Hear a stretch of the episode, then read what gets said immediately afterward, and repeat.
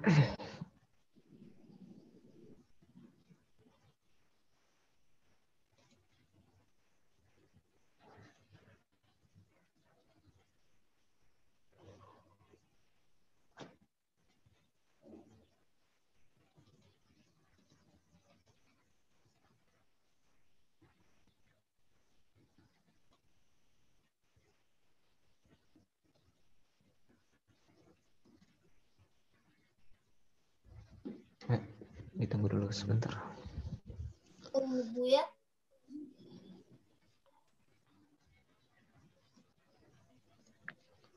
Hmm, itu tunggu tidak tahu.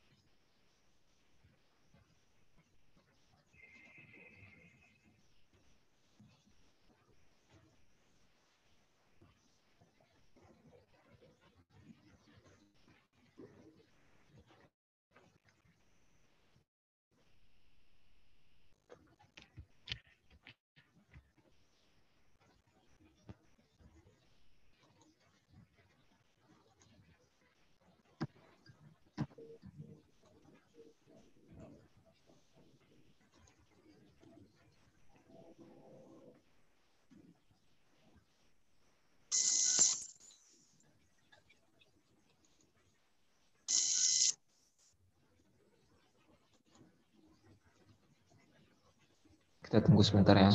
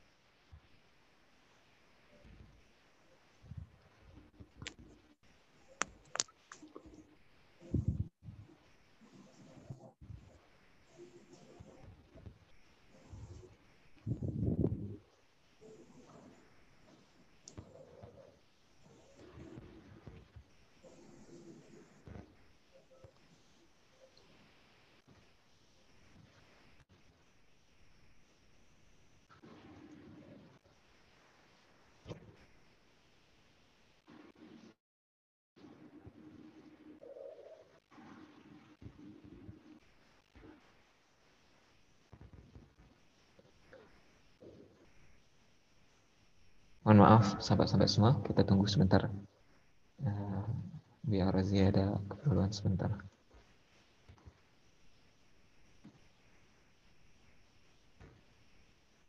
Ya.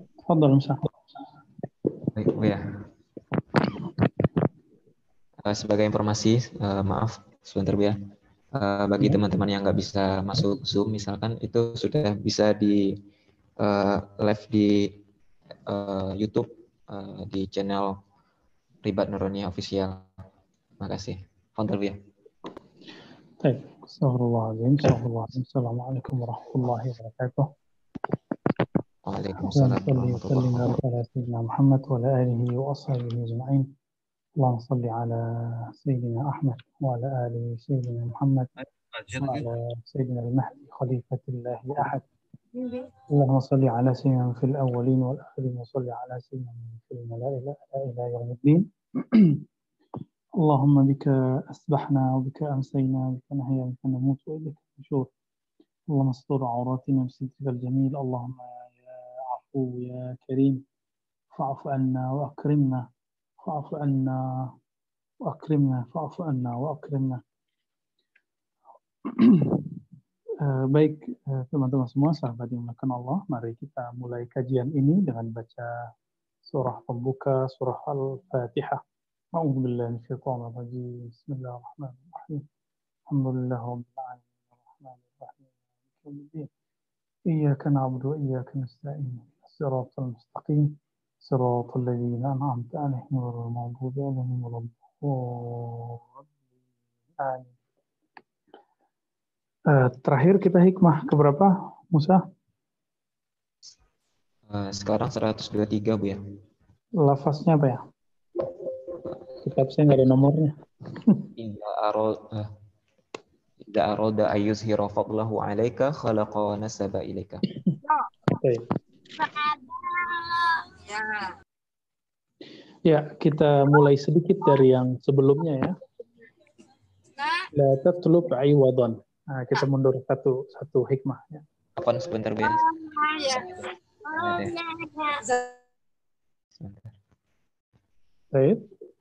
Udah ya. Ya.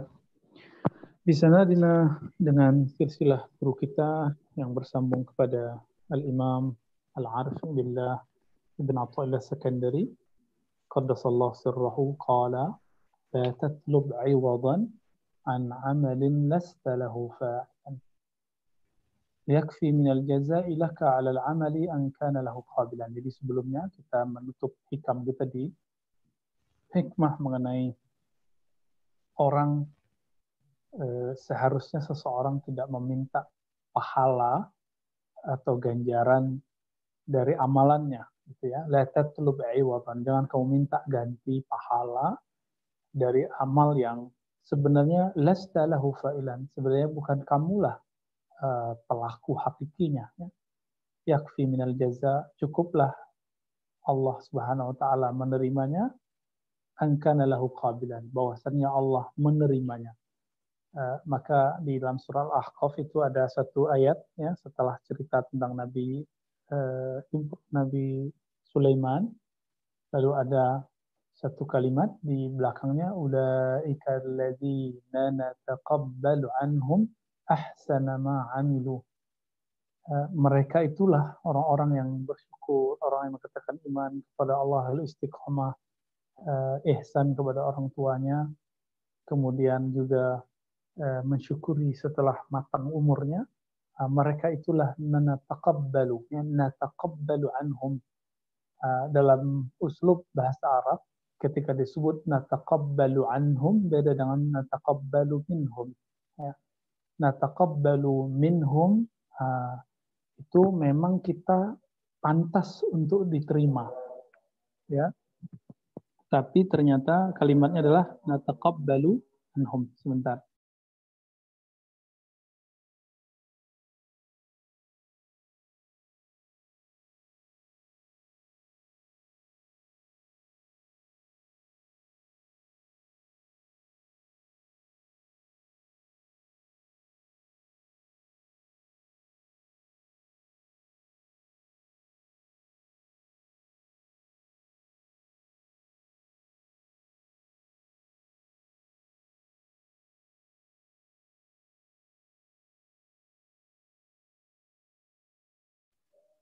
Ya, Afwan ada orang apa pengumuman kematian ya.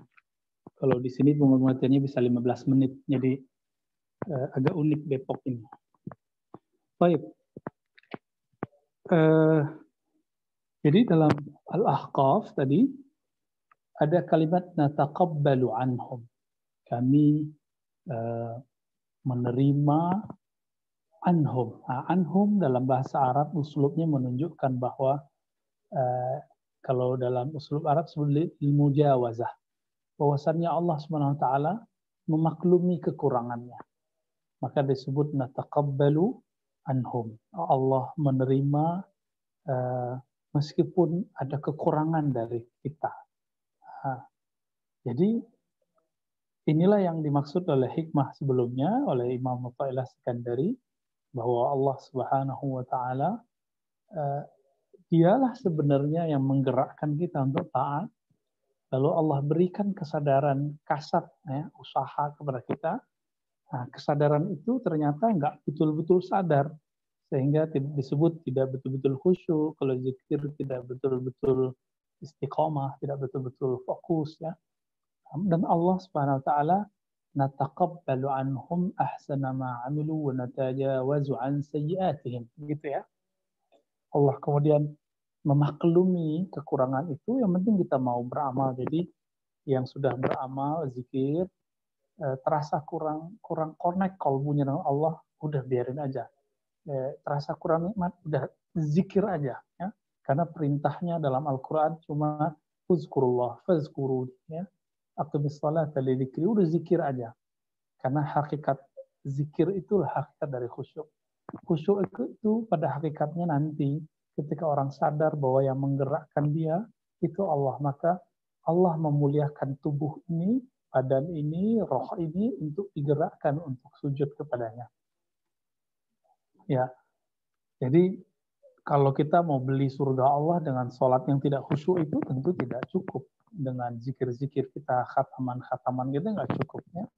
Baru khataman sebentar, kaki sudah uh, sudah kesemutan, itu tidak tidak pantas untuk untuk bisa membeli surga.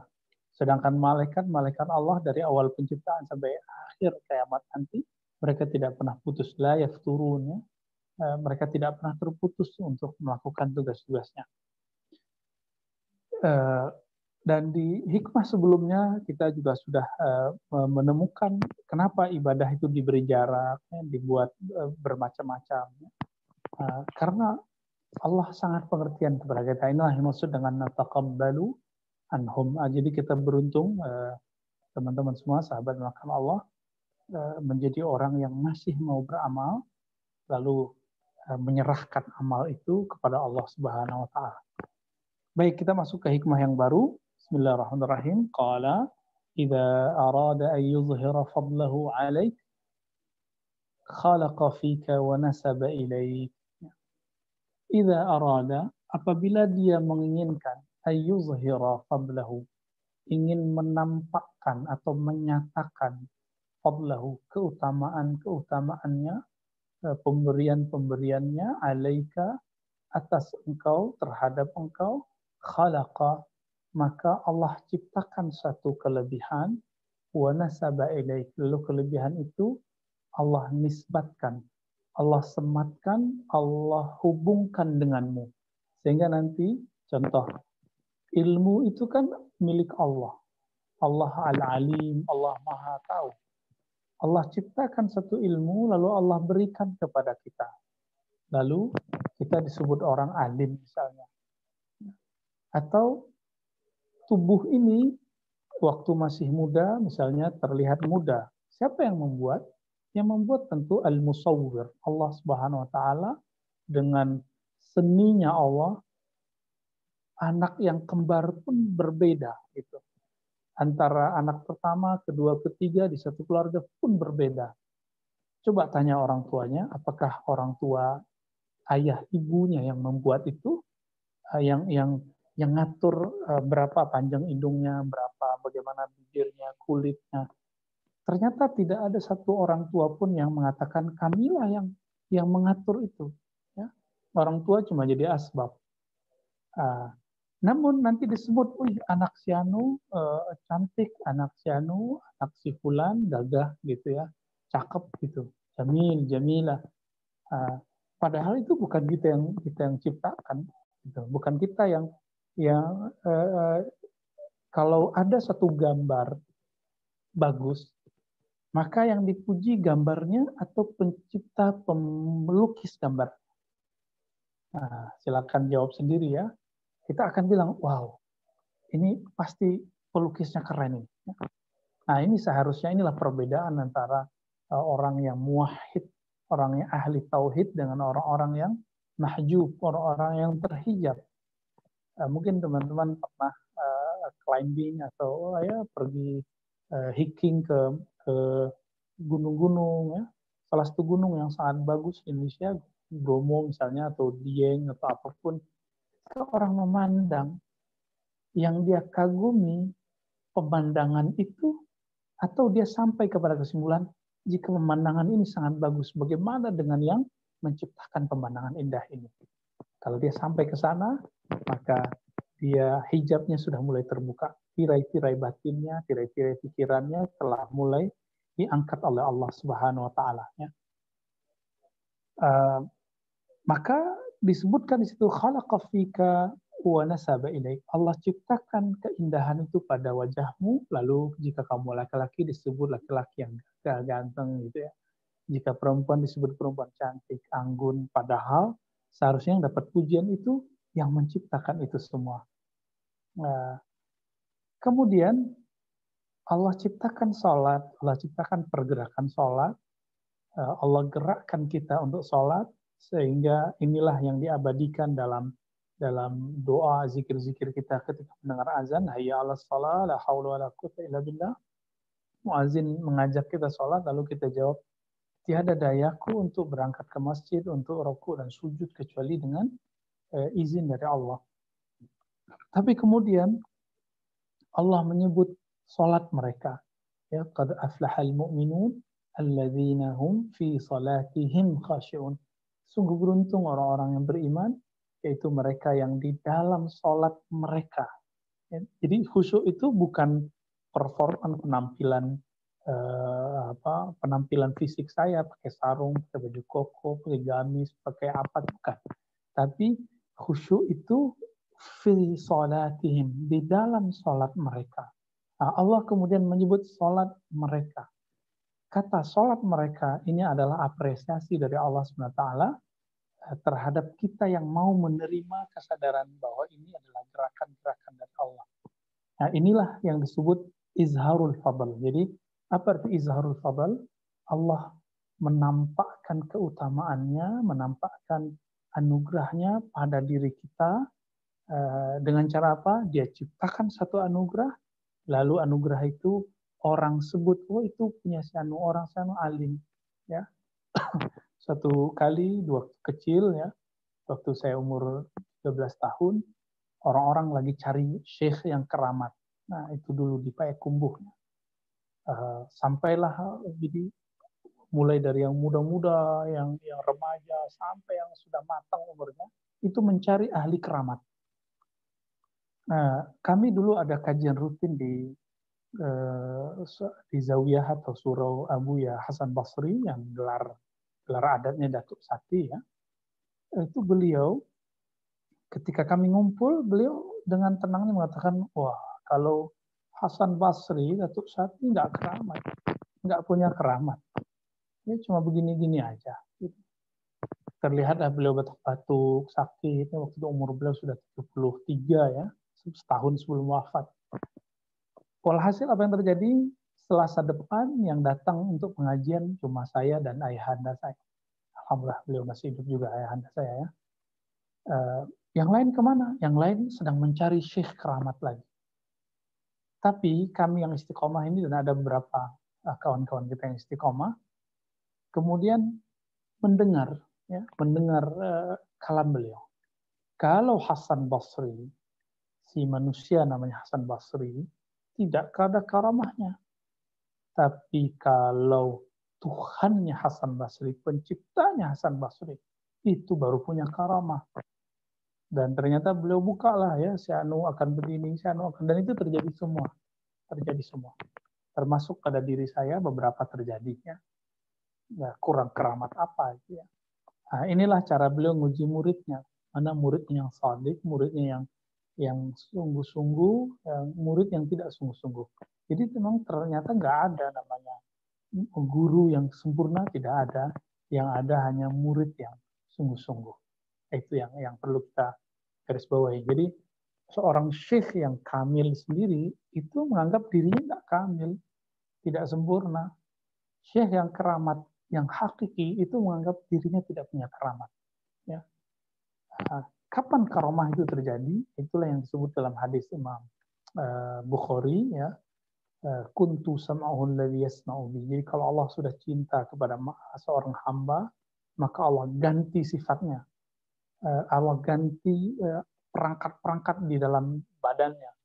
Yang tadi dia melihat dengan mas kasat mata ini, sekarang dia melihat dengan basarnya Allah. Kuntu sama'hu, jika dia mendengar, dia mendengar dengan samanya Allah. Nah, ini perangkat-perangkatnya itu diganti. Kalau melihat dengan basarnya Allah, ya tembus. Nggak, nggak terhalang oleh tembok, tidak terhalang oleh jarak, oleh gangguan suara, tidak Eh, begitu juga eh, melihat, mendengar, bergerak ya sama semua. Nah, inilah uh, ungkapan dari Imam Mufa'ilah Askandari uh, untuk menyadarkan kita jangan GR dengan sholat malam tadi yang banyak ya merasa uh kayaknya keren sekali nih. Merasa sudah sholatnya udah, udah banyak nih zikirnya sudah ribuan nih. Tunggu dulu yang bisa menggerakkan kita zikir itu kan Allah juga maka di ribat dulu kita pernah kasih pertanyaan ke eh, teman-teman, uh, ke ikhwah-ikhwah di ribat, uh, fazkuruni azkurkum. Gitu di dalam uh, Al-Quran, surah Al-Baqarah, fazkuruni azkurkum. Sebutlah aku, aku sebut kamu. Kalau secara harfiah, kita dulu sebut Allah, baru Allah sebut kita. Tapi secara ilmu akidah dan ilmu kalbu, ini kurang adab terjemahan begini Kenapa kurang adab? Masa Allah yang kadim, yang tidak ada awalnya, yang sudah ada sebelum alam ini belum uh, ada, sudah ada sebelum kita ini ada. Masa kita duluan nyebut dia, baru dia yang nyebutin kita.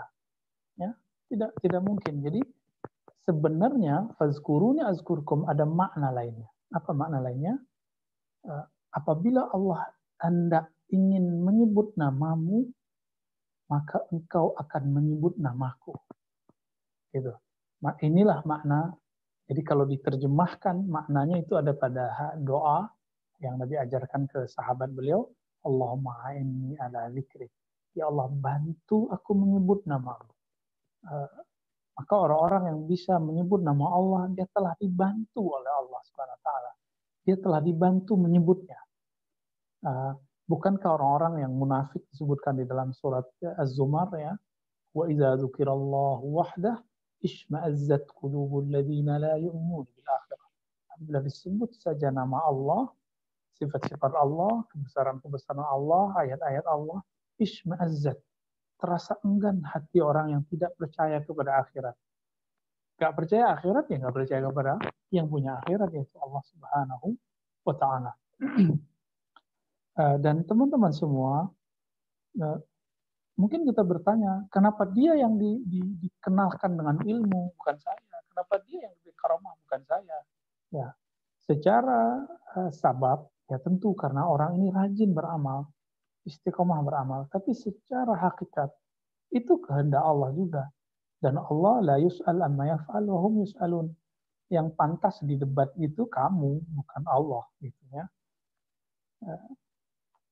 Maka uh, sahabat-sahabat dimulakan Allah, Allah Subhanahu wa taala itu ketika mencipta, membuat sesuatu uh, misalnya kenapa seorang Muhammad bin Abdullah yang dijadikan nabi dan rasul. Padahal orang-orang Yahudi sudah bertahun-tahun, sudah ratusan tahun pindah ke Madinah, kota Yasrib, untuk menunggu kelahiran seorang nabi akhir zaman. yang mereka berharap itu tetap dari mereka.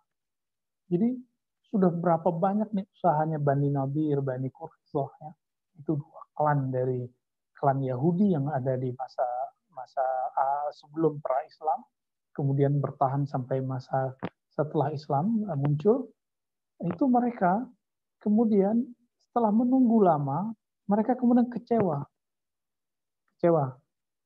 Maka mereka menyebut Jibril itu musuhnya.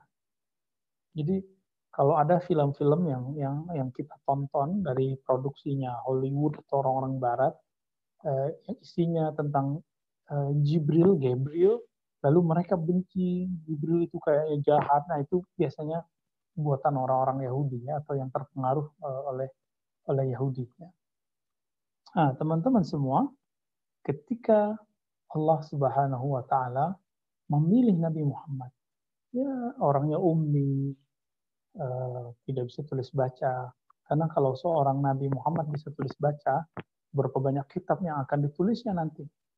Dan akhirnya Nabi Muhammad hanya menjadi seorang filsuf. Ya, dia hanya akan menjadi filsuf. Eh, seperti yang terjadi pada Plato menulis kitab publik, eh, pada Aristo, yang ada Tabi'ah, eh, kepada Socrates, ya, kepada uh, tokoh-tokoh setelahnya Jelinus nulis tentang filsafat kedokteran. Jadi kalau seandainya Nabi itu bisa nulis baca, yang terjadi nanti nggak lebih jadi filsuf, berteori, berteori, teori, teori, teori, nanti di debat, begitulah kayak di kampus, ya. Dan Allah swt uh, ini ini teguran bagi yang pendidikannya tinggi, ya, jadi jangan jangan bangga dulu teman-teman semua. Pendidikan tinggi kita justru itu adalah kelemahan kita. Kita butuh sekolah dulu baru dapat ilmu. Eh, beda dengan apa yang terjadi pada Nabi Muhammad SAW karena kebeningan-kebeningan kalbunya itu Allah berikan dia Allah berikan Nabi Muhammad SAW ilmu yang ilmu itu tidak perlu berpikir berat seperti Socrates tapi ingat proses penyucian jiwa Nabi Muhammad SAW sehingga dapat menerima ilmu tersebut, wahyu tersebut itu lebih berat daripada berpikirnya seorang filsuf. Inilah perbedaan antara pandangan kami dengan uh, filosof uh, masyaiyah namanya seperti Aristoteles, Ibnu Sina. Itu mereka mengatakan apa? Oh, filosof itu setara dengan nabi. Kenapa? Yusuf mencari sendiri sehingga dapat kebenaran, kalau Nabi didatangi kebenaran. Dia lupa bahwa untuk menemukan kebenaran dalam kolbu uh, seperti para nabi dan para wali itu butuh proses namanya tazkiyatun nafs.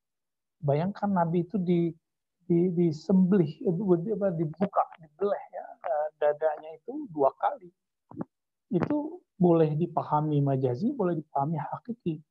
Dan kami memahaminya dua-duanya ya karena malaikat yang yang membelah dada beliau itu makhluk gaib maka pe, e, pembelahannya juga gaib sebenarnya maka yang diberikan juga gaib pembersihannya juga gaib nah, sehingga tidak menyakiti fisik Nabi Muhammad SAW meskipun ada beberapa riwayat yang menyebutkan itu betul-betul uh, pembelahannya betul-betul fisik dan ada bekasnya. Wallahu alam bisawab nah berdasarkan ini uh, sahabat-sahabat kata Allah ada satu ayat ya dalam akhir surat Luqman. Fala taghurrannakumul hayatud dunya. Jangan kamu tertipu oleh kehidupan dunia. Itu biasa. Tapi ada yang kedua. Wala yaghurrannakum billahil ghurur. Janganlah kamu uh, yaghurrannakum terpedaya karena billah karena bi itu bisa arti bihaulillah biiznillah karena izin Allah Subhanahu wa taala untuk kamu bisa beramal, agar kamu bisa berilmu, lalu kamu merasa alim, kamu merasa orangnya seorang wali, merasa keakuannya, merasa dirinya ulama. Nah, ini ini bahaya ya. Uh, ananiah ini, egois ini, merasa keakuan itu yang membuat seseorang akan terhijab berlapis-lapis kepada Allah Subhanahu wa taala. Saya pernah menyebutkan kisah uh, uh, masuk surganya seorang adik 500 eh, tahun dia beribadah eh, seperti disebutkan oleh Imam Baihaqi 500 tahun dari kalangan orang-orang sebelum Nabi Muhammad SAW. Apa yang terjadi ketika Allah memanggil mereka dan mengatakan adkhilhul jannah birahmati. Masukkan dia surga dengan rahmatku. Orang ini protes. Ya, apa kata dia? Ya Rob, aku sudah beramal 500 tahun, masukkan ke surga dengan amalanku. Apa yang terjadi? Akhirnya ditimbang. Cuma dengan satu mata, apa yang terjadi? Amalannya 500 tahun setara dengan pemakaian nikmat Allah satu mata 500 tahun. Mau diambil satu mata lagi, dia ketakutan dan dia mengatakan, Ya Rob, ya sudah masukkan aku ke surga dengan rahmatmu. Berarti masuk surga pun itu rahmat Allah. Inilah makna hadis Bukhari, tidak masuk surga seorang kamu kecuali dengan rahmat Allah Subhanahu wa taala. Jadi jika ditanya ini amalmu atau amal siapa? Maka kita boleh jawab la haula wala quwata illa billah. Ya Allah, jika Engkau tidak izinkan kami beramal, kami tidak akan beramal. Jika Engkau tidak kasih hidayah kami, kami tidak akan dapat hidayah. Maka berkali-kali kita katakan, jangan pernah meremehkan Islam keturunan. Ya, Islam keturunan itu anugerah luar biasa dari Allah Subhanahu wa taala. Ini bagian dari makna ayat yang disebutkan dalam surat Syura, Allahu yajtabi ilaihi man yasha. Allah lah yang memilih uh, siapa pun uh, agar datang dapat hidayah kepadanya. Sebelum kita menginginkannya, kita udah dapat. Nah, yaitu terlahir sebagai muslim, padahal kita nggak pernah request. Nah, maka teman-teman semua, hati-hati dengan gelar-gelar, hati-hati dengan sebutan-sebutan orang, semua itu berbahaya. Hati-hati dengan banyak bacaan. Kadang-kadang ketika banyak membaca, eh, ada bisikan, oh kamu pinter ya. Wah ini nanti saya bisa sampaikan biar orang menyebut saya pinter. Bisikan-bisikan itu sangat jelas sekali waktu kami kuliah dulu ya, waktu S1. Ketika baca kitab-kitab yang, yang dahsyat-dahsyat kata orang, lalu kita paham. Ada bisikan, wah kamu keren ya. Gitu. Saya yakin teman-teman yang suka baca akan mengalami hal itu. Eh, dan ini terlihat dari orang-orang yang yang yang melupakan ini. Eh, contoh sederhana, kalau antum buat status tidak menyebutkan sumber, ini bagian dari kencokakan itu. Nah, ini bagian dari ingin mendapat gelar sebutan pujian terhadap hal yang kita sebenarnya bukan punya. Maka jangan pernah bangga dengan status-status yang kita tulis, tulisan yang kita buat, eh, buku-buku yang kita karang, ya biasa aja ya. Apalagi kalau bangun masjid, ya, mengurus masjid, yang sampai ngomong begini, kalau bukan saya masjid nggak jadi. Ya, emang Allah butuh kita untuk bangun masjid? Enggak, Allah nggak butuh kita. Allah kalau mau, Allah ciptakan tambah kita. Tapi justru itu ujian ujian pertama mau nggak bangun. Ujian kedua setelah membangun mau nggak ngurus. Setelah mau ngurus ujian ketiga merasa berjasa nggak?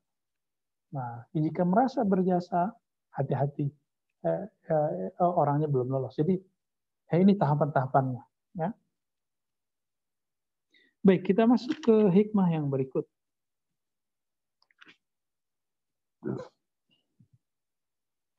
Bismillahirrahmanirrahim. Wa qala la nihayata limadhammika in arja'aka ilaik. Tidaklah ada penghujung dari keburukan-keburukanmu, sifat-sifat tercelamu, in arja'aka ilaik. Jika dia mengembalikan urusanmu kepadamu. Wala tafrughu madaihum madaihuka in azhara judahu alaih. Wala tafruq madaihuka. Tidak akan pernah kosong pujian-pujianmu, tidak akan pernah habis uh, pujian terhadapmu in azhara juda alaih. Jika dia menampakkan, menyatakan, memantulkan judah kedermawaannya, eh, anugerah-anugerahnya atasmu. Maksudnya gimana? Ini ini untuk menghibur kita yang tadi sudah sudah lost, yang merasa tidak eh, berhak atas suatu amalan, ya. Maka sekarang Allah eh, dihibur lagi oleh Imam Nafa'ilah Sekandari. Apa kata beliau? Jika kamu uh, menganggap semua amalmu itu darimu, maka la nihayata limazamika. Maka tidak ada akhir dari uh, tidak ada uh, tidak ada habisnya ke aib-aib dirimu. Tidak ada habisnya kesalahan-kesalahanmu. Ya. Jadi kalau yang alim itu kita, ada kurangnya terus. Kalau yang beramal itu kita, nggak ada khusyuknya terus. Tapi kalau kita pulangkan kepada Allah, ada kepasrahan. Ya Rob, engkau perintahkan aku sholat, aku sholat. Engkau perintahkan aku zikir, aku zikir. Terima kasih ya Allah yang telah menggerakkan aku untuk bisa berzikir. Jika ini terjadi, ini baru salah satu ibarat, la tafruh madaihuka. Maka pujianmu di sisi Allah tidak akan habis. Jika Allah memuji seorang hamba, maka Allah akan mengumumkannya ke Sayyidina Jibril. Dalam hadis Muslim dikatakan, "Idza ahabballahu 'abdan qala ya Jibril inni uhibbu fulanan." Hai Jibril, aku suka kepada fulan. Begitu jika Allah menyukai seseorang. Lalu Jibril uh, diperintah Allah fa'ahibbah. Maka cintailah dia atau fa'ahibhu. Maka cintailah dia. Lalu Jibril alaihissalam turun ke langit uh, uh, di bawahnya, langit ketujuh, terus langit ketujuh mengumumkan ke langit berikutnya sampai ke langit yang di atas kita, langit dunia, yang di langit dunia mengumumkan ke semua makhluk di bumi, baik hewan, tumbuhan, bebatuan, semuanya. Eh, kecuali manusia dan jin itu mereka tidak dengar. Apa kata mereka? Ya ibadallah, hai hamba-hamba Allah, inna Allah yuhibbu fulan. Allah mencintai si fulan, fa'ahibbuhu, maka cintailah dia. Nah, tapi jika ada hamba yang kolbunya uh, dia selalu berusaha untuk membersihkannya, walaupun tetap ada kotorannya, maka dia akan dapat menangkap sinyal-sinyal itu. Itu sebabnya kewalian itu muttafaq alaih. Biasanya ya, kewalian itu biasanya orang-orang sepakati. Itu kalau kewaliannya zahir. Tapi juga ada wali yang mastur. Nah, wali yang mastur ini yang kemudian sangat berat. Kadang mereka lebih tinggi, kadang mereka di bawah yang terkenal itu. Jadi jika Allah mengizinkan seseorang terkenal dengan kewalian, berarti memang dia wali. Jika Allah ingin mengizinkan Allah uh, seseorang terkenal keilmuan, ya mungkin dia seorang ulama. Uh, tapi tidak semua orang alim itu waliullah. Ya, uh, ada yang alim baru zahirnya, tapi kalau dia sudah alim billah, sudah alim dengan kolbunya, bukan lagi ilmunya hafalan, tapi sudah latihan-latihan rohani, kemudian Allah berikan dia hadiah-hadiah ma'rifat dan hakikat, baru dia disebut uh, waliullah. Nah, inilah makna lebih kurang dari uh, kalimat ini, teman-teman semua. Jadi, la tattabi'il nafsa fi hawaha inna tiba'al hawa hawanya. Oleh karena itu jangan ikuti gejolak-gejolak bisikan-bisikan uh, diri kita uh, dalam beramal ya karena mengikuti semua itu uh, tidak lebih daripada hawa atau kehinaan-kehinaan. Uh, inilah yang terjadi pada iblis ya. Iblis itu kurang apa ya? Iblis itu penjaga surga maka disebut malaikat Haris atau malaikat Azazil. Namun karena dia merasa dirinya sesuatu, dia merasa mulia karena dia dari api, dia merasa mulia karena dia uh, udah lama di surga, maka kemudian dia jatuh. Jadi ciri-ciri orang yang Allah jatuhkan derajatnya di sisinya, dia merasa dirinya sesuatu. Nah ini hati-hati di sini. Eh, kita berlindung kepada Allah Subhanahu Wa Taala dari merasa sesuatu. Ya, um, sudah berapa menit, Musa?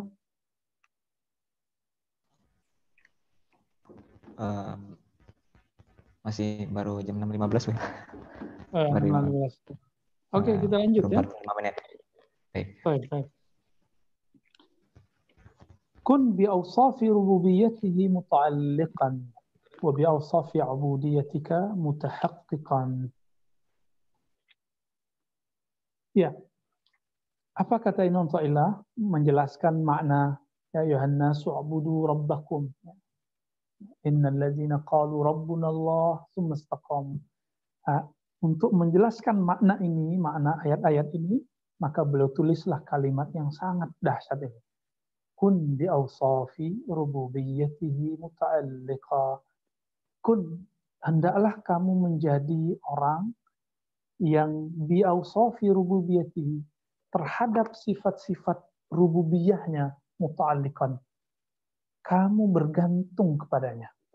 Nah, sahabat-sahabat yang Allah, Allah saya pernah menjelaskan beda uluhiyah rububiyah antara Syekh Ibn Taimiyah dengan ajaran-ajaran ilmu kalbu atau tasawuf, tasawuf nufus adalah eh, kalau rububiyah Ibn Taimiyah mengatakan itu akidah musyrik dan munafik dan mukmin. Jadi aneh-anehnya bagi Ibn Taimiyah orang orang musyrik itu bertauhid. Bahkan filosof-filosof yang tidak kenal Allah itu ber, bertauhid nama tauhidnya rububiyah. Sedangkan mukmin dia berubah plus uluhiyah. Dia sebenarnya ingin mengatakan orang-orang musyrik ini tahu uh, menyembah Allah tapi uh, menyembah selain Allah untuk bisa kepada Allah. Jadi menyekutukan. Lalu dia samakanlah uh, menyembah berhala ini dengan tawasul. Nah, inilah kekeliruan besar dari Syekh Ibn dan ini yang kemudian uh, apa mohon maaf ya ini kesalahan ini diwarisi sampai saat ini sehingga kawan-kawan kita yang mengaku ikut Ibnu Taimiyah terjebak kepada menuduh sufi-sufi menyembah syekh-syekh sufi, menuduh uh, murid-murid parekat uh, menyembah kubur ya kuburiyun. Padahal itu tidak sama. Masa orang-orang bersyahadat disamakan dengan orang-orang yang menyembah berhala, Latta dan Uzza itu berbeda. Ya, sangat berbeda. Bukti bahwa Ibnu Taimiyah itu keliru di zamannya beliau kemudian karena fatwanya itu masuk penjara keluar penjara masuk penjara keluar penjara. Dan empat mazhab semuanya sepakat kesalahan itu. Kecuali murid-muridnya ya Ibnu Ibnu Katsir Ibnu uh, Az-Zahabi Ibnu Abdul Hadi. Uh, itu cuma beberapa ya. Selebihnya kemudian memfatwakan bahwa anda keliru. Termasuk Ibnu Athaillah Sakandari mengatakan ente keliru wahai uh, wahai Ibnu Taimiyah uh, di waktu Ibnu Taimiyah di penjara di Mesir waktu itu masih sangat muda ya, sangat muda sekali Ibnu Taimiyah dan ditegur oleh Ibnu Tailah. Itu sebabnya teman-teman kalau pengikut Ibnu Taimiyah menulis biografi Ibnu Tailah itu tidak bagus. Selalu nulisnya uh, orang Ibnu Tailah ini jahat sekali kepada uh, Ibnu Taimiyah ya. Jadi dari adawah misalnya gitu ya. Sangat sangat keras dalam menentang atau bermusuhan dengan uh, Ibnu Tailah ya siapa yang ngajak musuhan? Justru Ibnu Taimiyah lah yang menyerang duluan. Seperti yang terjadi hari ini. Ya, terjadi hari ini apa? Sufi-sufi, orang-orang tarekat, orang-orang surau, pesantren itu nggak ada nyerang-nyerang Wahabi, nggak ada nyerang-nyerang Salafi, karena orang pesantren, orang surau, orang tarekat ini dianggap bid'ah, dianggap sesat, kita balas. Ketika kita balas, dianggaplah kita cari masalah. Ya begitulah mereka. Nah, saya tidak mau berpanjang karena masalah ini bikin panas kepala ke mana-mana. Ilmu kalam itu membuat kepala panas ya. Uh, dalam ilmu rohani, istilah rububiyah tidak akan bikin kepala panas, tapi malah justru bikin rohani kita uh, lebih lebih plong. Jika teori rububiyah dalam konsep akidah uh, ilmu kalam itu bikin pikiran kita bergejolak, sedangkan dalam ilmu rohani bikin rohani kita lebih tenang, pikiran kita plong. Apa kata beliau? Rububiyah, sifat-sifat rububiyah itu, jadikanlah ini tempat bergantungmu. Apa itu sifat rububiyah?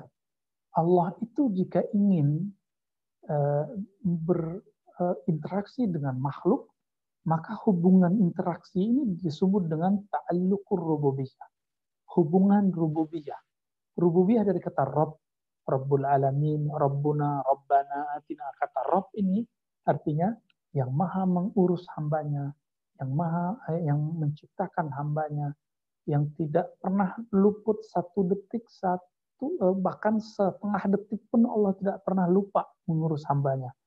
Nah, dengan sifat-sifat kemahaannya itu dalam mengurus kita semua maka bergantunglah uh, sahabat-sahabat Allah ini cerita COVID ini kan betul-betul menakutkan ya tidak akan pernah berakhir. Terus gimana dong nggak pernah berakhir? Memang kita ditakdirkan ya inilah dunia.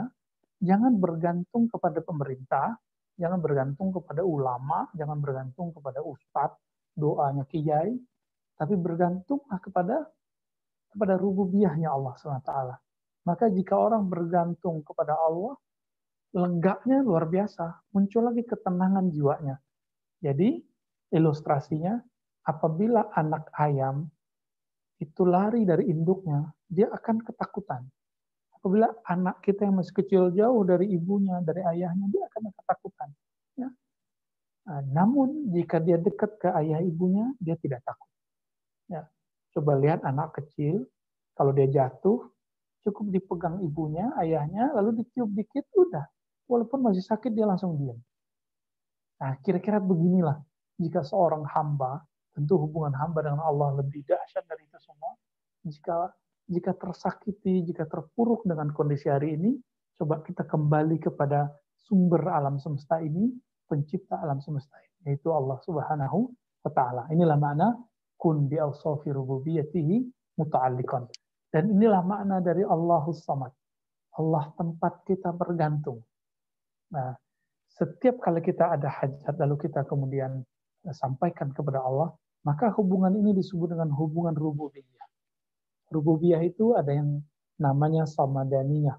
Artinya saya punya kebutuhan, punya hajat, saya kadukan kepadanya dan dia akan memenuhi itu.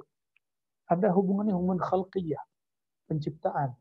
Ya ada hubungannya hubungan syifa, penyembuhan, ya. Eh, ada hubungan-hubungan rezeki ya.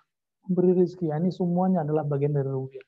Jadi apa pun interaksi Allah dengan hamba-hamba dengan Allah, hubungan ini disebut dengan rububiyah. Jadi dengan inilah kita bisa hidup.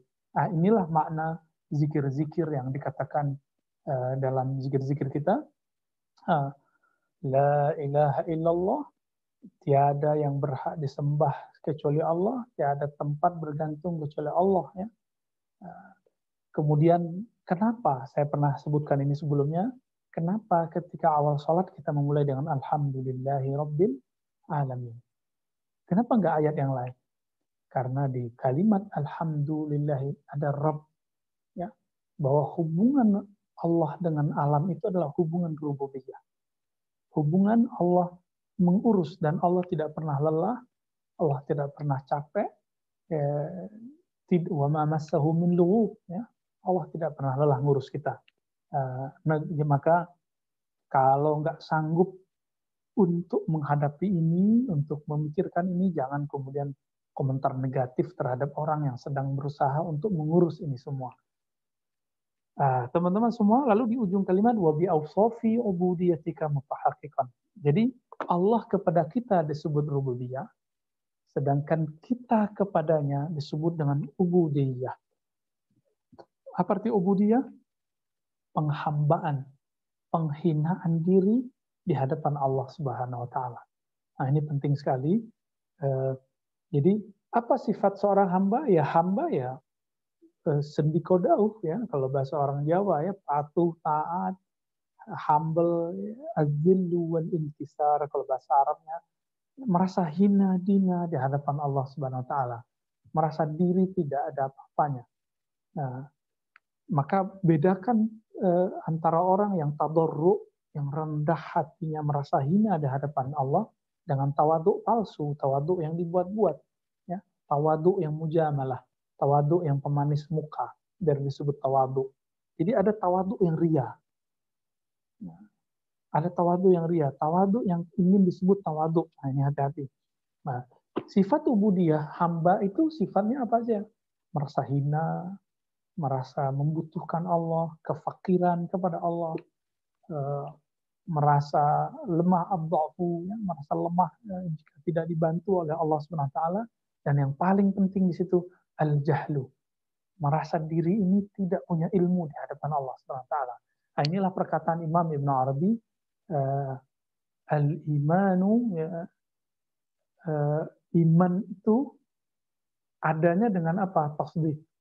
Tapi beliau mengatakan, al-jahlu. Kejahilan, tidak mengenal, tidak merasa berilmu di hadapan Allah, itu adalah agamaku. Begitu kata beliau dalam kitab Futuhat Makkiyah ya. Kitab yang pernah ditahzir oleh beberapa orang tapi setelah kita baca ya orangnya mungkin loncat-loncat bacanya atau membaca dari orang lain, artinya dia taklid pada hasil bacaan orang lain, lalu menyalahkan satu kitabnya. Nah, maka sahabat-sahabat dimakan Allah, sifat inilah yang yang kemudian muncul uh, dikandung uh, dalam Al-Fatihah. Dimulai dari Bismillahirrahmanirrahim.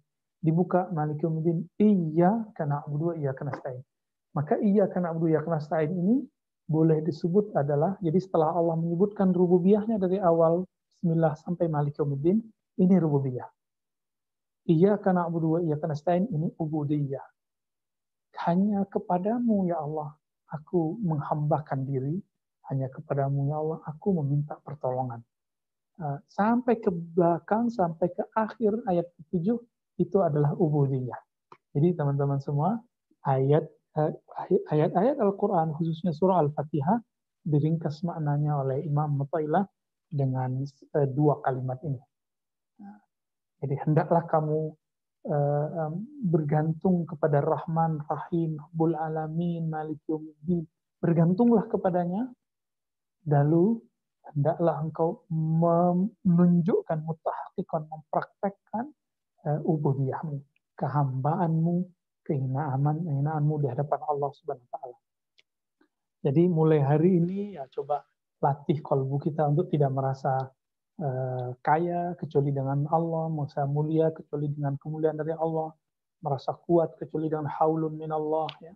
tidak merasa alim, tidak merasa berilmu kecuali dengan hadiah-hadiah dari Allah Subhanahu wa taala. Kira-kira itu teman-teman semua sudah setengah tujuh, mungkin ada yang mau kita diskusikan, ya, bagi silakan tafadhol. Baik, baik Marana. Jazakumullah khairul jaza. Ada banyak pertanyaan. Uh, pertama, Bu ya.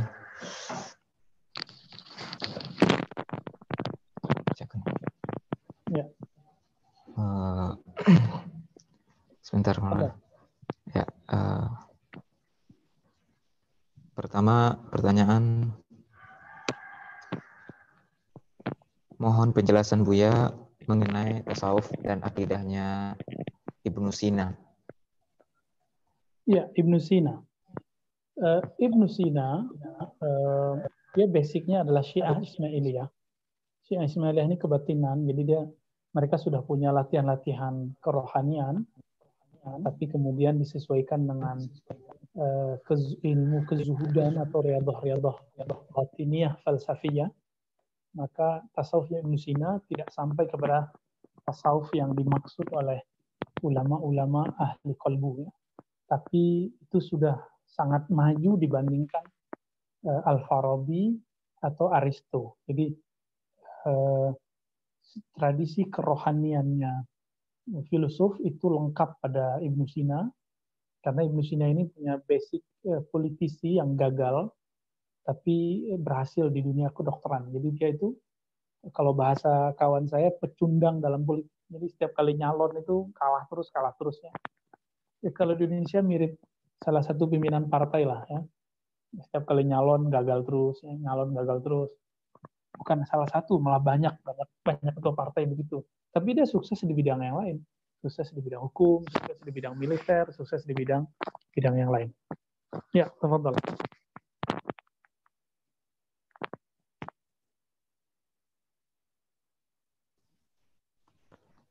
Baik, Maulana. Uh, agak loading sedikit. Pertanyaan ya. berikutnya, Bu ya. Uh, uh, mohon amalan uh, karena kita dipanggil oleh orang-orang dengan panggilan-panggilan tertentu, dengan gelaran-gelaran tertentu, dan apa yang harus kita lakukan terhadap Ya, ya. Nabi Shallallahu Alaihi Wasallam mengajarkan kalau kita dipuji maka katakan ya, Allah menjalni khairan mimma yazunnun. Itu bahasa Arabnya. Kalau bahasa Indonesia-nya lebih gampang ya, dalam hati kita katakan ya Allah ya, jadikan aku lebih baik daripada yang mereka kira. Uh, satu kali Imam Abu Hanifah di, eh, di diceritakan oleh orang-orang di kota Kufah sebagai ahli ibadah yang tidak pernah tidur di malam hari. Beliau padahal cuma bangun sepertiga malam terakhir. Tapi semenjak mendengar itu, karena khawatir nanti merasa senang dipuji terhadap hal yang dia tidak pernah lakukan, maka belum minta kepada Allah, ya Allah bantu aku untuk bisa kiamulail sepenuh malam supaya aku tidak merasa dipuji eh, dengan hal yang tidak aku lakukan. Semenjak saat itulah beliau kalau sholat subuh itu dengan wudhu sholat isya. Walaupun beliau tajdid ya, amalannya sahabat kami, eh, Dr. Falah, Ustaz Falah, itu walaupun masih wudhu itu diulang wudhunya terus ya, seujan gitu katanya ya. Uh, Oke, okay. jadi uh, ini yang harus dilakukan. Katakan dalam hati, aku uh, ya Allah aku tahu dengan aib diriku, uh, seandainya orang tahu aib diriku, tentu mereka tidak akan memujiku. Teman-teman semua, kalau bukanlah uh, tutupan dari sifat-sifat Allah itu, pakaian-pakaian sifat Allah tadi, tentulah semua orang akan akan tidak akan ada yang memuji kita, tidak ada yang like kita, tidak ada yang senang kita. Jadi ilmu yang sekarang antum punya itu itu hanya sifat Allah yang Allah pinjamkan. Jika dia mau dia ambil lagi ibadah yang kita pakai itu itu adalah kuah dan haul ya. La haula wala quwata illa billah. Semuanya kalau Allah mau Allah ambil lagi. Itu sebabnya ada orang yang rajin ibadah kok tiba-tiba nggak rajin ibadah lagi. Pernahkah lihat ada orang alim di akhir hayatnya dia lupa dengan semua ilmunya.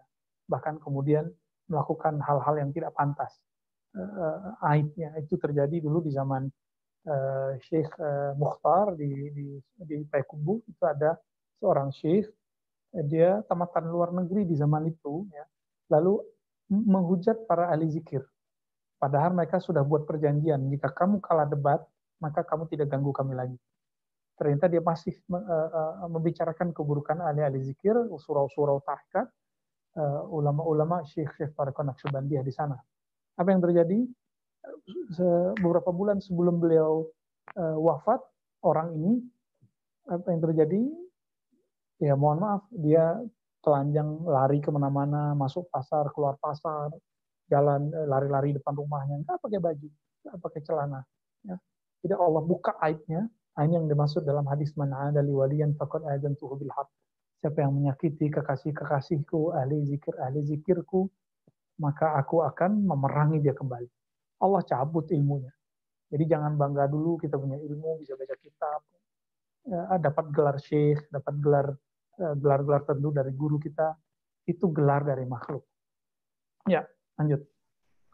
Baik ya.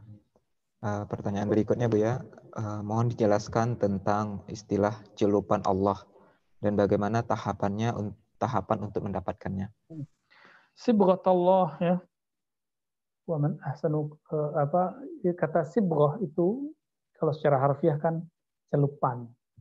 Tapi kalau kita terjemahkan itu yang disebut dengan fana wal baqa, al fana wal baqa.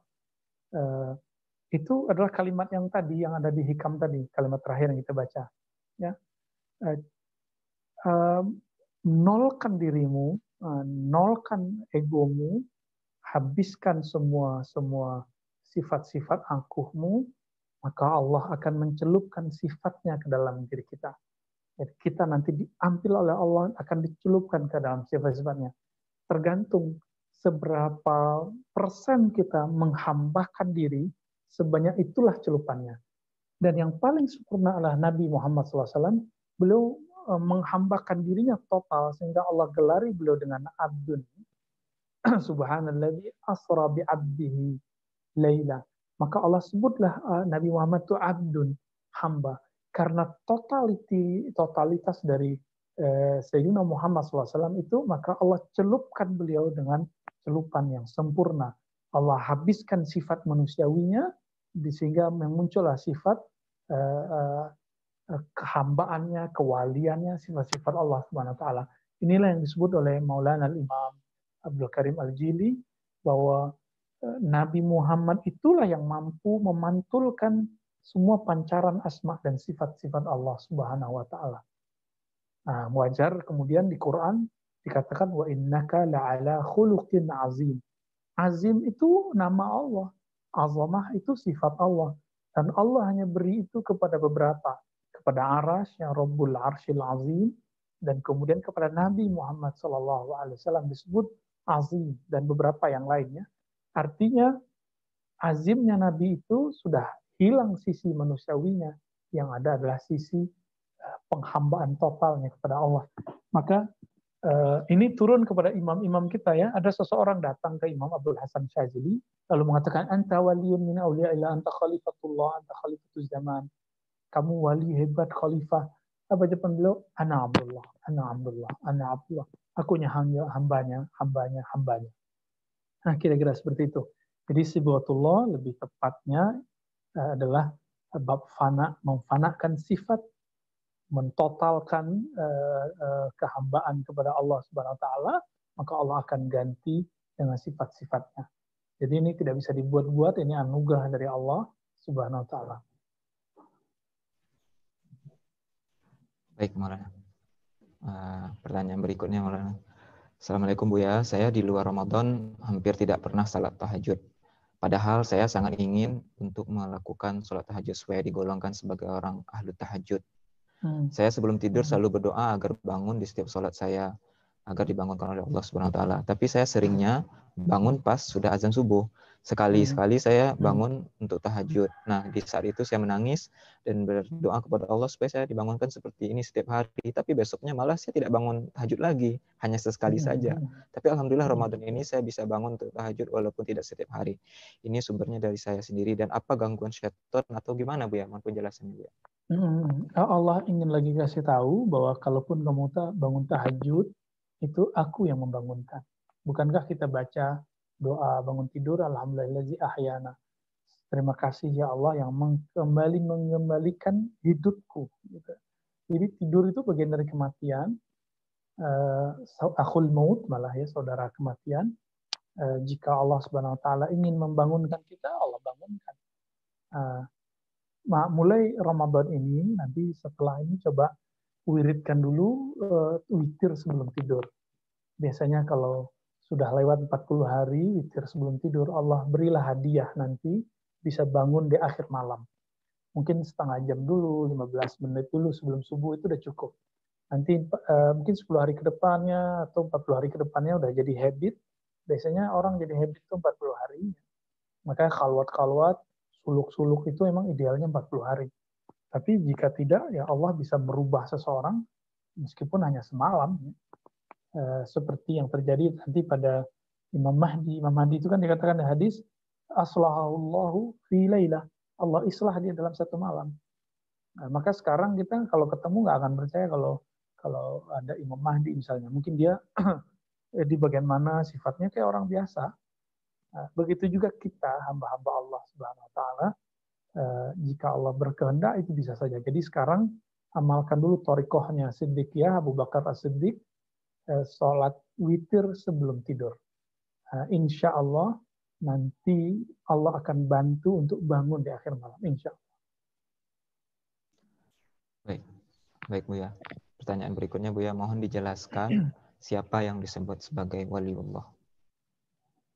Ala inna awliya Allah la khawfun alaihim wa lahum yahzanun. Allazina amanu wa kanu yattaqun. Begitu ya di surat Yunus ya. ketahuilah bahwasanya wali Allah itu orang yang kalbunya tidak ada kegalauan, tidak ada hazan, tidak ada kesedihan. Eh, galau-galau yang sifatnya berlebihan ya. Eh, seperti eh, masalah hari ini, masalah Covid ini, takut enggak atau takut kepada Allah yang mengizinkan Covid ini bergerak. Kemudian hazan, hazan itu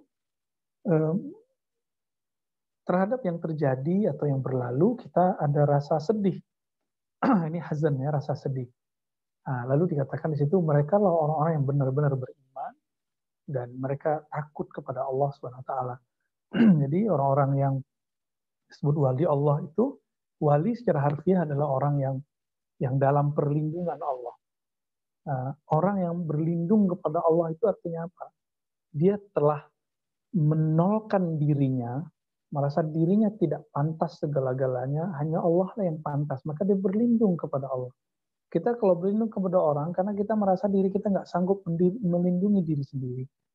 Nah, para wali-wali Allah inilah makna dari iman dan takwa tadi. iman, iman dan takwa itu teman-teman tidak semudah perkataan khotib Jumat uh, at-taqwa imtisalul awamir wa ijtinabun nawahi. Itu belum cukup ya. Al-Habib uh, uh, yang sahibur ratib ya. Beliau mengatakan kalimat ini ada tambahan ya, yaitu menjaga kalbu. Jadi menjaga men mengamalkan perintahnya, menjauhi larangannya dan menjaga kalbu dari dari eh, sifat-sifat yang tidak terpuji. nah, kalau dalam surat uh, Fussilat atau surat Al-Ahqaf ya, innal ladzina qalu rabbuna Allah istaqamu fala khaufun 'alaihim wa la hum yahzanun. Jadi kalimatnya sama. Orang-orang yang disebut wali itu ciri-cirinya indikasinya tidak ada khauf dan hazan. Takut dan hazan. Lalu apa amalan mereka? amalan mereka adalah mereka berkata, Rabbunallah. Rabb kami. Nah, ini yang disebut dia bergantung kepada rububiyahnya Allah. Sumastaqamu. Lalu mereka istiqomah dengan penghambaannya. Jadi perkataan Nutella tadi itu juga bisa diterapkan ke ayat ini. Innallazina qalu rabbunallah bergantung kepada sifat rububiyah Allah, sifat eh, kehebatan Allah, penciptaan Allah, sedangkan sumastaqamu istiqomah dalam penghambaan total kepada Allah Subhanahu wa taala. Nah, jadi eh, nggak usah cari-cari uh, apa kasyaf ya, nggak usah cari-cari bukan itu yang disebut wali. Wali itu yang sudah melewati itu semua. Jadi dia sudah melewati semua itu dan sampai kepada makam al-abd, makam kehambaan yang yang yang dia istiqomahkan. Ya. Baik, uh, menyambung pertanyaan tadi, Bu ya. Uh, pertanyaan masuk lagi. Bagaimana membedakan sikap guru kita dari sisi humanisme dan kewaliannya? Ya, ya. Ya, untuk membedakannya ya mudah. Kalau dia berbicara, tapi getarannya sampai ke kolbu, eh, pembicaraannya itu kemudian terlihat uh, bukan dialah sebenarnya. Kalau sisi manusiawinya sepertinya tidak mungkin berbicara begitu, uh, maka kita oh ini dia lagi memakai baju kemursidannya. Tapi jika dia ya sebagai manusia mungkin dia pernah bercanda, tertawa, emosional, seloroh gitu ya. Jika itu terjadi, orang-orang kan memikirkan syekh itu harus ke mana-mana harus pakai tongkat itu misalnya pakai jubah ke mana-mana, eh, pakai sarung ke mana-mana atau pakai kopiah ke mana. Kita enggak kan? Ya. Kecuali kalau kita memang sudah di zaman zaman eh, kenabian atau zaman kemahdian, mungkin nanti kita akan pakai sorban semua. Ya. Tapi kalau sekarang ya kita menggunakan syiar-syiar itu simbol-simbol itu di event-event tertentu aja. Jangan kemudian kita bilang oh si Anu nggak pakai kopiah berarti dia nggak mursyid. Si Anu nggak pakai kopiah berarti dia nggak wali. Nggak ada kaitannya. Ya. Uh, kalau seandainya kopiah seperti ini itu wali, ya tinggal berarti saya yang paling banyak kopiahnya lebih banyak walinya daripada teman-teman semua. Ya. Jadi gimana membedakannya? Eh, cukup tasdik saja. Ini guruku, dia punya sisi manusiawi, tapi dia juga punya uh, sisi nur keilahian di kolbunya. Nah, itu yang kita butuhkan. Uh, jadi jangan pernah memaksumkan guru. Guru nggak nggak nggak maksum. Siapa yang mengatakan gurunya tidak pernah berdosa, ini orang lebih parah dari kelompok Syiah. Ya. Karena Syiah hanya mengatakan itu kepada ahlu bait, imam-imam ahlu bait, keturunan Rasulullah. Ini mursyid kita belum tentu zuriat Rasulullah. Masa dikatakan maksum? Tidak mungkin ya. Nah, kalaupun salah dan itu sisi manusiawi, kita bisa ajak dia berbicara. Ini disebut an-nusu. Jadi nasihat itu bukan menggurui, nasihat itu adalah obrolan tulus. Maka an-nasiha yakni khulusun niyah fil. Ketika orang tulus eh, niatnya dalam kalbunya untuk menyampaikan sesuatu itu disebut nasihat. Ya, lanjut. Baik, Maulana. Uh, ini pertanyaan, uh, bagaimana kita untuk menyikapi keadaan di mana seorang istri ingin meningkatkan ibadah ruhaniyahnya, sedangkan pasangan atau suaminya kurang memberikan dukungan dalam hal ini. Oh, nggak usah khawatir ya. Ibadahnya istri itu adalah ketika berkhidmah kepada pasangan. Jadi kalau memang pasangannya pengennya dia apa, ya ikutin saja. Nanti ketika pasangannya sudah istirahat, baru kita kemudian bertawajuh menghadap kepada Allah SWT. Bukankah uh, Asia berhasil melakukan itu sehingga diabadikan dalam Al-Quran uh, disebutkan digandengkan namanya dengan Maryam. Padahal suaminya Firaun melarang dia untuk menyembah Allah Subhanahu wa taala. Tapi dia tetap nah, kenapa? Karena dia menerima takdirnya, ridho kepada takdirnya lalu dia jalani khidmahnya sebagai seorang pasangan, seorang istri. Uh, jadi jangan dianggap uh, mengabdi ke suami itu uh, itu tidak ibadah. Ya, ngurusin anak itu ibadah juga. Tinggal ketulusannya ini yang perlu di, eh, diperbaiki ya, mindsetnya harus diperbaiki di situ. Jadi mulai hari ini bagi ibu-ibu itu khidmahlah bagi keluarganya, niatkan itu karena mematuhi Allah Subhanahu wa taala. Itu juga ibadah yang luar biasa. Baik, Bu. Pertanyaan berikutnya dari Pak Galih nih. Sebelumnya saya berpaham akidah Ibnu Taimiyah dan kitab Tauhid yang dikarang oleh Syekh Salih Fauzan. Nah, benarkah Asy'ariyah menolak Allah di atas karena hmm. Asy'ariyah berpahaman Allah itu ada di mana-mana. Mungkin perlu diluruskan juga nih. Dengan dikuatkan dari Nabi Muhammad Sallallahu Alaihi Wasallam um, bahwa beliau mi'raj naik ke atas langit, maka inilah dalilnya Allah di atas. Karena jika Allah ada di mana-mana, mi'rajnya bukan ke atas. Uh, mohon, pen, mohon penjelasannya, ya. Bu ya. Syekh Saleh Fauzan, semoga Allah mengampuninya, beliau tidak mengerti sama sekali apa itu akidah Ahlus Sunnah Asy'ariyah. Sehingga apa pun yang dia tulis tentang Asy'ari dalam bukunya, ya, Itikad Ahlus Sunnah, itu tidak satupun yang yang sesuai dengan apa yang ditulis oleh Imam Baihaqi, Imam Asy'ari, Imam Ghazali. Enggak ada satupun yang sama. Ya, tentang sifat, tentang tawasul, tentang sifat salbiyah, tentang uh, makna istiwa, itu satupun enggak ada yang sama. Jadi dia punya tasawur yang dia dengar dari guru-gurunya tanpa dia kemudian tabayun sendiri kepada ini. Dan kita sudah buktikan di kitab-kitabnya ya. Dan betul parah, sangat parah sekali. Semoga Allah mengampuninya. Ya, saya nggak merasa lebih benar dari dia, tapi kita punya sanat keilmuan, inilah garansi kita. Uh, uh, bagi Syekh Salih Fauzan dan lain-lain sama ya. Allah itu di langit. Kenapa? Nabi aras, Nabi uh, mi'raj ke langit. Loh, justru hadis Nabi Mi'raj ke langit itu jawaban bahwa Allah tidak di langit. Di langit pertama ketemu siapa? Nabi Adam. Langit kedua ketemu siapa? Langit ketiga ketemu siapa? Sampai ke langit ketujuh juga ketemu Allah, ketemunya Nabi Ibrahim. Bukti bahwa Nabi Nabi Muhammad SAW tidak bertemu Allah di situ. Jadi Allah nggak benar di langit. Terus di aras dulu.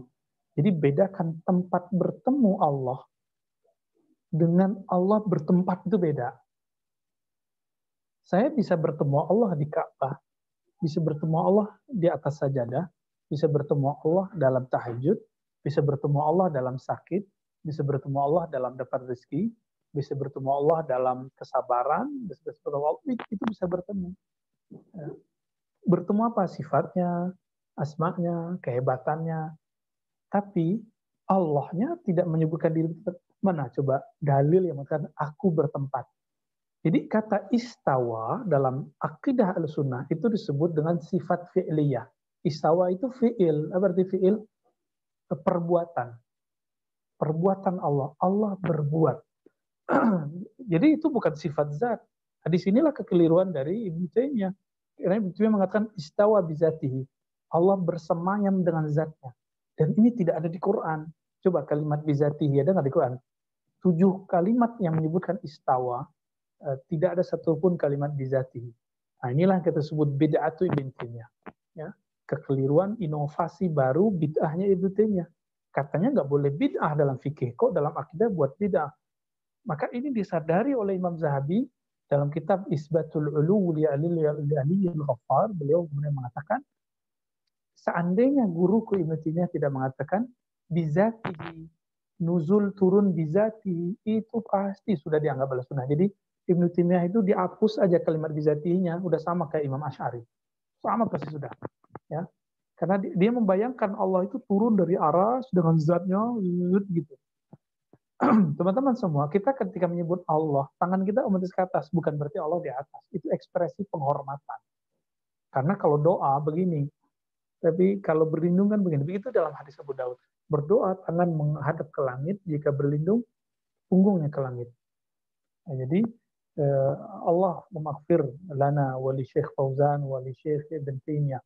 Saya cuma mengatakan itu ya. Eh, eh, kasihan sekali orang-orang yang yakinnya Allah bertempat. Itu mau sampai kapan? Allah nggak pernah ngomong bertempat, kok Allah cuma ngomong istawa. Giliran Allah mengatakan wa huwa ma'akum ditakwil. Ibnu Taimiyah dalam akidah wasitiyah mentakwil kalimat wa huwa ma'akum. Dia bersama kamu di mana pun kamu berada. Itu kan ayatnya banyak juga. Lebih jelas. Nggak ada perdebatan makna ma'a. Kalau istawa, maknanya ada 15. Ibnu Taimiyah tahu itu. Dan dia sebut dalam kitab Darut Ta'arud. Sedangkan ma'a, ma'a jelas maknanya kebersamaan. Tapi Ibnu Taimiyah mengatakan ma'iyatul ilm. Kebersamaan ilmu. Nah ini ta'wil.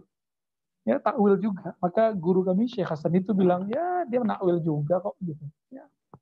Uh, maka beliau mengatakan kan beliau orang-orang ini seumuran ya beda-beda dikit kita. Kata Syekh Hasan itu, sungguh pertanyaan paling aneh dalam tradisi keilmuanku sejak aku kecil adalah ketika orang bertanya apakah Asya, Asy'ari, Asy'ariyah ahli sunnah atau tidak. Apakah Asy'ari mengingkari Allah istawa?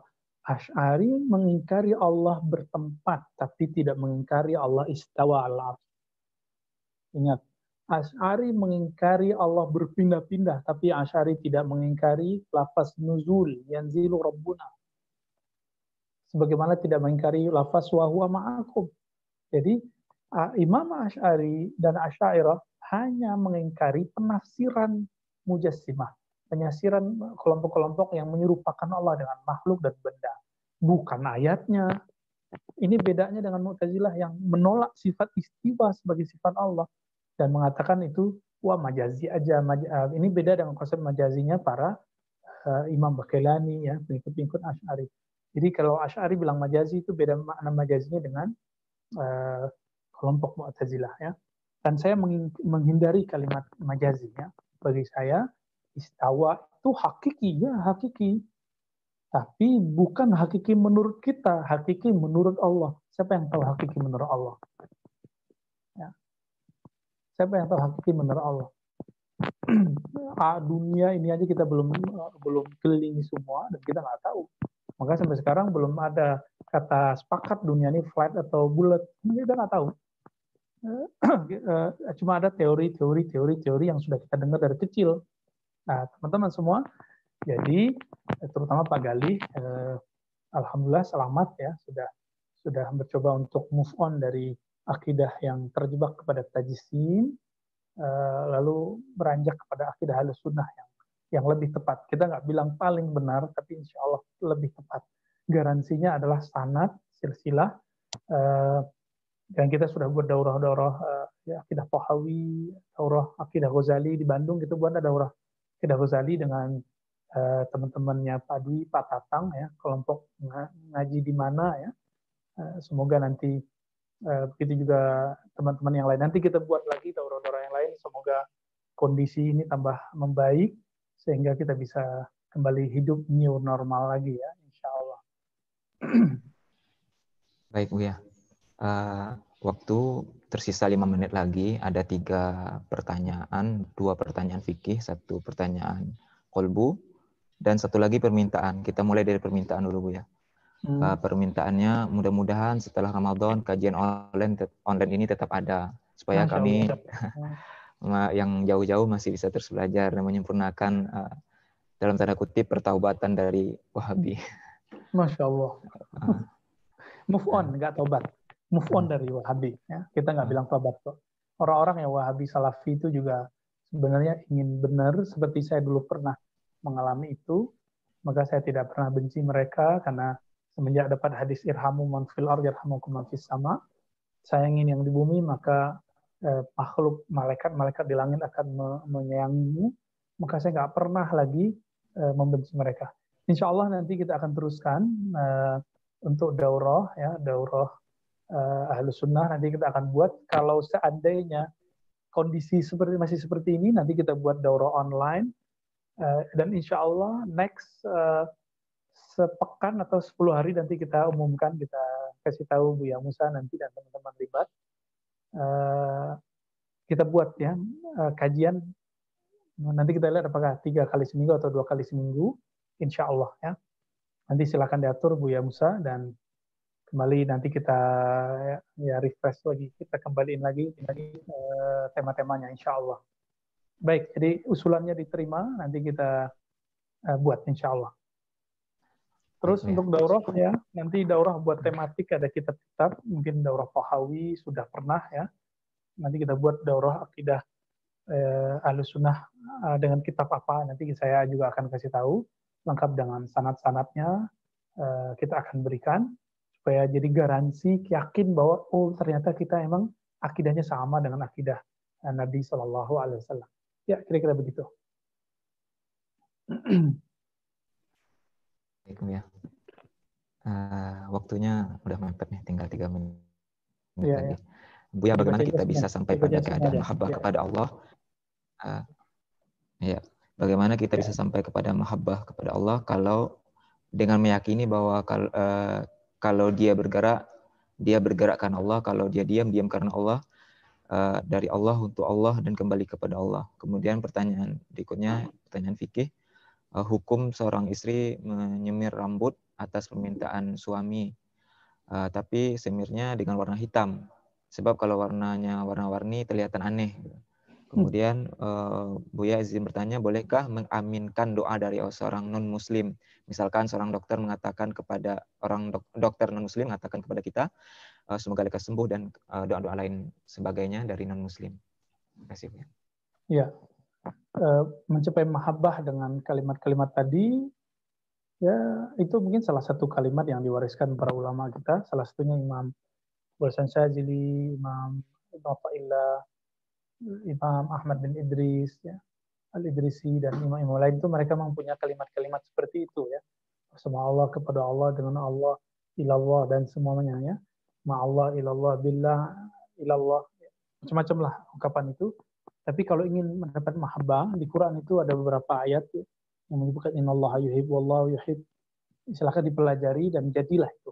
Tapi pintu mahabbah itu dimulai semua dari taubah. Uh, Allah yuhibbut tawabin. Allah menyukai orang-orang yang tawabin dan itulah amalan pertama yang diturunkan Nabi Adam ketika uh, uh, diusir dari surga, kemudian beliau menjejaki bumi ini dengan taubat tobat penyesalan. Di isi tobat itu penyesalan. Jadi silakan eh, mulai tobat, nah, Allah akan jatuh cinta kepada kita. Yang kedua, ya almaru ma'aman ahabba begitu kata Nabi dan Sahih Bukhari, seseorang akan bersama yang dia cintai. Jadi kalau uh, penjelasan yang kalimat yang tadi itu cocok dengan ini, uh, jika seorang sudah mencintai Allah, maka dia akan bersama Allah, kepada Allah, dengan Allah dan segala macamnya. Dan yang terakhir ya, uh, terakhir ya, masih belum ya. Tadi tentang nyemir. Nah, hukum nyemir nanti silakan dikonfirmasi ke Buya Aspi. Uh, tapi di hadis Nabi hukum menyemir dengan warna hitam itu boleh untuk dua hal hadis ini aja. Uh, untuk jihad bagi laki-laki yang mau jihad bukan untuk melamar ya. Rambut kita udah putih nih terus mau ngelamar orang itu nipu namanya. Uh, bagaimana dengan perempuan? Nah, di hadis itu dibolehkan seorang pasangan supaya pasangannya senang itu boleh biar nggak nggak punya isu nggak punya canda-candaan mau ta'adud lagi misalnya nah, itu boleh boleh saja tapi hadisnya doif ya lakin kam min hadisin doif eh, yu'mal indal fuqaha ya. Tapi banyak hadis doif ahli fikih pun ngamalin walaupun tidak dijadikan hujah. Eh, sebenarnya perempuan laki-laki boleh nyemir dengan warna yang lain misalnya warna merah. Nah, karena Nabi Eh, yusbih ya Nabi juga mewarnai rambutnya. Kalau laki-laki boleh ya perempuan juga boleh. Uh, tapi nanti uh, ini perdebatan fikih jenisnya. Nah, silakan nanti obrolkan dengan Buya Asfi dan juga Buya Musani yang mengerti juga masalah ini dan terakhir tadi tentang apa doa mengaminkan doa, doa non muslim ya. ya. Contohnya dari dokter. doa non muslim sebenarnya semua orang itu dia menyembah Allah yang sama secara ontologi ya, secara secara hakikat itu orang menyembah Tuhan yang sama. Namun ketika mereka masuk ke wilayah syariat, di sinilah kemudian terjadi perbedaan ada yang nyembah Yesus, nyembah patung, nyembah oh, macam-macam. Penyembahan ini ada yang total kepada sifat zat uh, fiil asma Allah, ada yang cuma parsial. Nah, Imam Al-Jili mengatakan semua orang sebenarnya menyembah Tuhan yang sama, tapi mereka uh, terjebak kepada hal-hal yang parsial. Uh, parsial itu ya ada yang nyembah namanya, ada yang menyembah cuma sifatnya, ada yang menyembah cuma zatnya, ada yang menyembah total. Yang menyembah total ini yang disebut ajaran Nabi Muhammad SAW. Maka kalau ada orang berdoa, secara tradisi kita boleh bilang amin. Tapi secara hakikat, etikot, ya mereka eh, apa yang diaminkan itu dia tidak tembus sebenarnya kepada Allah. Nah, tapi ingat ini ini jadi pikiran kita juga. Kenapa ada hadis Nabi Allah akan menjawab doa tiga kelompok dan nomor tiganya adalah al-mazlum uh, doa orang yang kafir oh, doa orang yang dizalimi wa in kana kafiran. Doa ul mazlum wa in kana kafir doa orang yang zalim yang yang, dizalimi meskipun dia kafir. Apa maknanya? Sebenarnya orang kafir itu dia di saat dizalimi dia lupa dia kafir. Di saat itu dia kembali kepada sang maha itu Allah subhanahu wa taala. Uh, maka Allah pun terima. Jadi ini dalil bahwa doa orang kafir diterima juga kalau dizolimi ya. E, gimana kalau dokter? Dokter nggak maksud dizolimi kalau dia tidak sampai kepada terjepit. Jadi intinya terjepit. Amma yujibul muttarra idza da'ah dalam surat Zumar. E, siapakah yang yang akan menjawab doa-doa orang yang terpaksa terjepit. Jadi teman-teman semua beda kita dengan dengan dukun-dukun itu ya. Satu aja dukun-dukun itu kok mustajab gitu ya, kok ampuh. E, mantra-mantranya karena dia bermantra dan dia merasa selalu darurat, merasa terpojok terus karena ada permintaan terus gimana ya ya dia cari doa dengan dengan sifat eh, keter apa ya keterpaksaannya kepada Allah dan Allah harus jawab. Namun ini disebut istidraj. Istidraj itu lawan dari nikmat. Allah beri tapi sebenarnya pemberian itu membuat bertambah uh, ke kemurkaan Allah kepadanya. Nauzubillah min Jadi secara uruf boleh-boleh saja secara tradisi, tapi secara rohani nggak ada manfaatnya. Ya. Kira-kira begitu teman-teman semua. Insya Allah eh, mungkin Jumat kita eh, cukupkan dulu karena Jumat itu hari puncak ya, puncak terakhir Ramadan. Eh, kita sudah close eh, aja kajiannya karena itu juga eh, malamnya malam 29 mungkin teman-teman ada yang full ibadahnya, kita ngantuk-ngantuk nanti di situ kita full ibadah aja, pagi-paginya kita syukuri aja karena itu hari terakhir. Semoga Allah uh, meridai satu nafas yang kita buskan, yang kita tarik selama bulan-bulan ini dan pulang-pulang keluar dari Ramadan uh, Allah beri hadiah ketakwaan dalam kalbu amin ya rabbal alamin. Demikian dari saya subhanakallah wa. Assalamualaikum warahmatullahi wabarakatuh. Ya. Waalaikumsalam warahmatullahi wabarakatuh. Bu ya mungkin uh, karena ini pengajian terakhir di bulan puasa ini, hmm. uh, mungkin dibaca doa khusus dulu Bu ya. Kita aminkan bersama-sama. Uh, طيب. Astagfirullahaladzim, astagfirullahaladzim. Allahumma salli ala nabiyyina Muhammad wa ala alihi wa ashabihi ajma'in. Uh, Allah, ya Allah, sampaikan salawat kami, salam kami kepada Nabi Muhammad sallallahu alaihi wasallam sampaikan rindu kami, sampaikan eh, salam maaf kami yang tidak sempurna mengamalkan sunnahnya, yang tidak serius mengamalkan ajaran-ajarannya. Allahumma salli ala Sayyidina Ahmad wa ala ali Sayyidina Muhammad.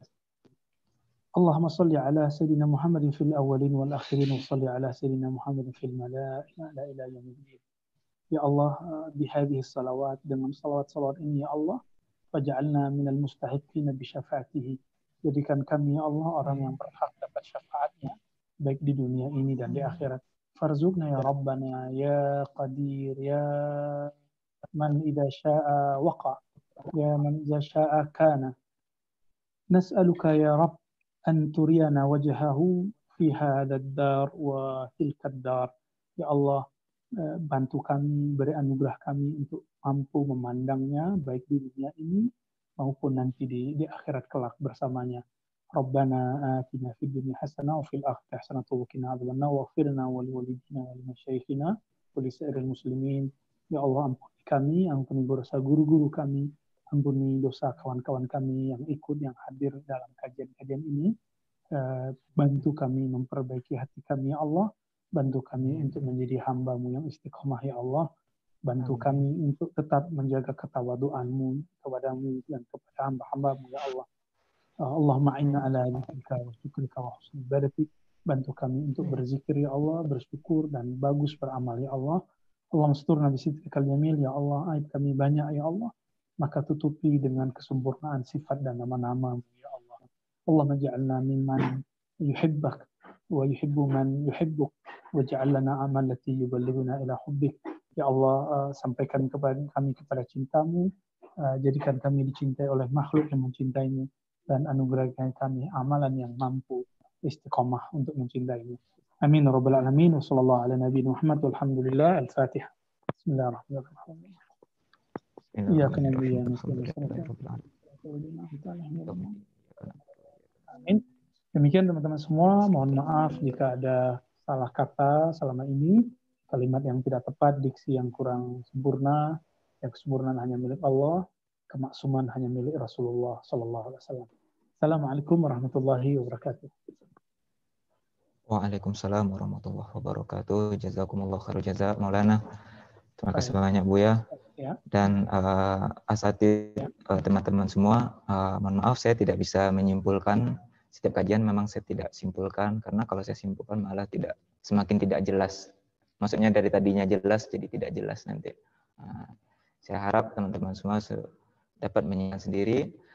Uh, mudah-mudahan uh, setiap kajian yang kita ikuti ini diberkahi Allah Subhanahu wa taala bermanfaat. Amin ya rabbal alamin. Saya sebagai host semenjak mulai kajian sampai sekarang mohon maaf atas setiap kesalahan, kekurangan, kelalaian dan terima kasih banyak. Wassalamualaikum warahmatullahi wabarakatuh. Tuh, dimaafin bang. Assalamualaikum warahmatullahi wabarakatuh. Syukran. Subhanakallahumma wa bihamdika asyhadu an la Oh ya, syukron, syukron. Syukran Buya, syukran Syekh Musa. Muhammad admin Allahumma salli sallim alaihi. Mubarak, mubarak, mubarak. So.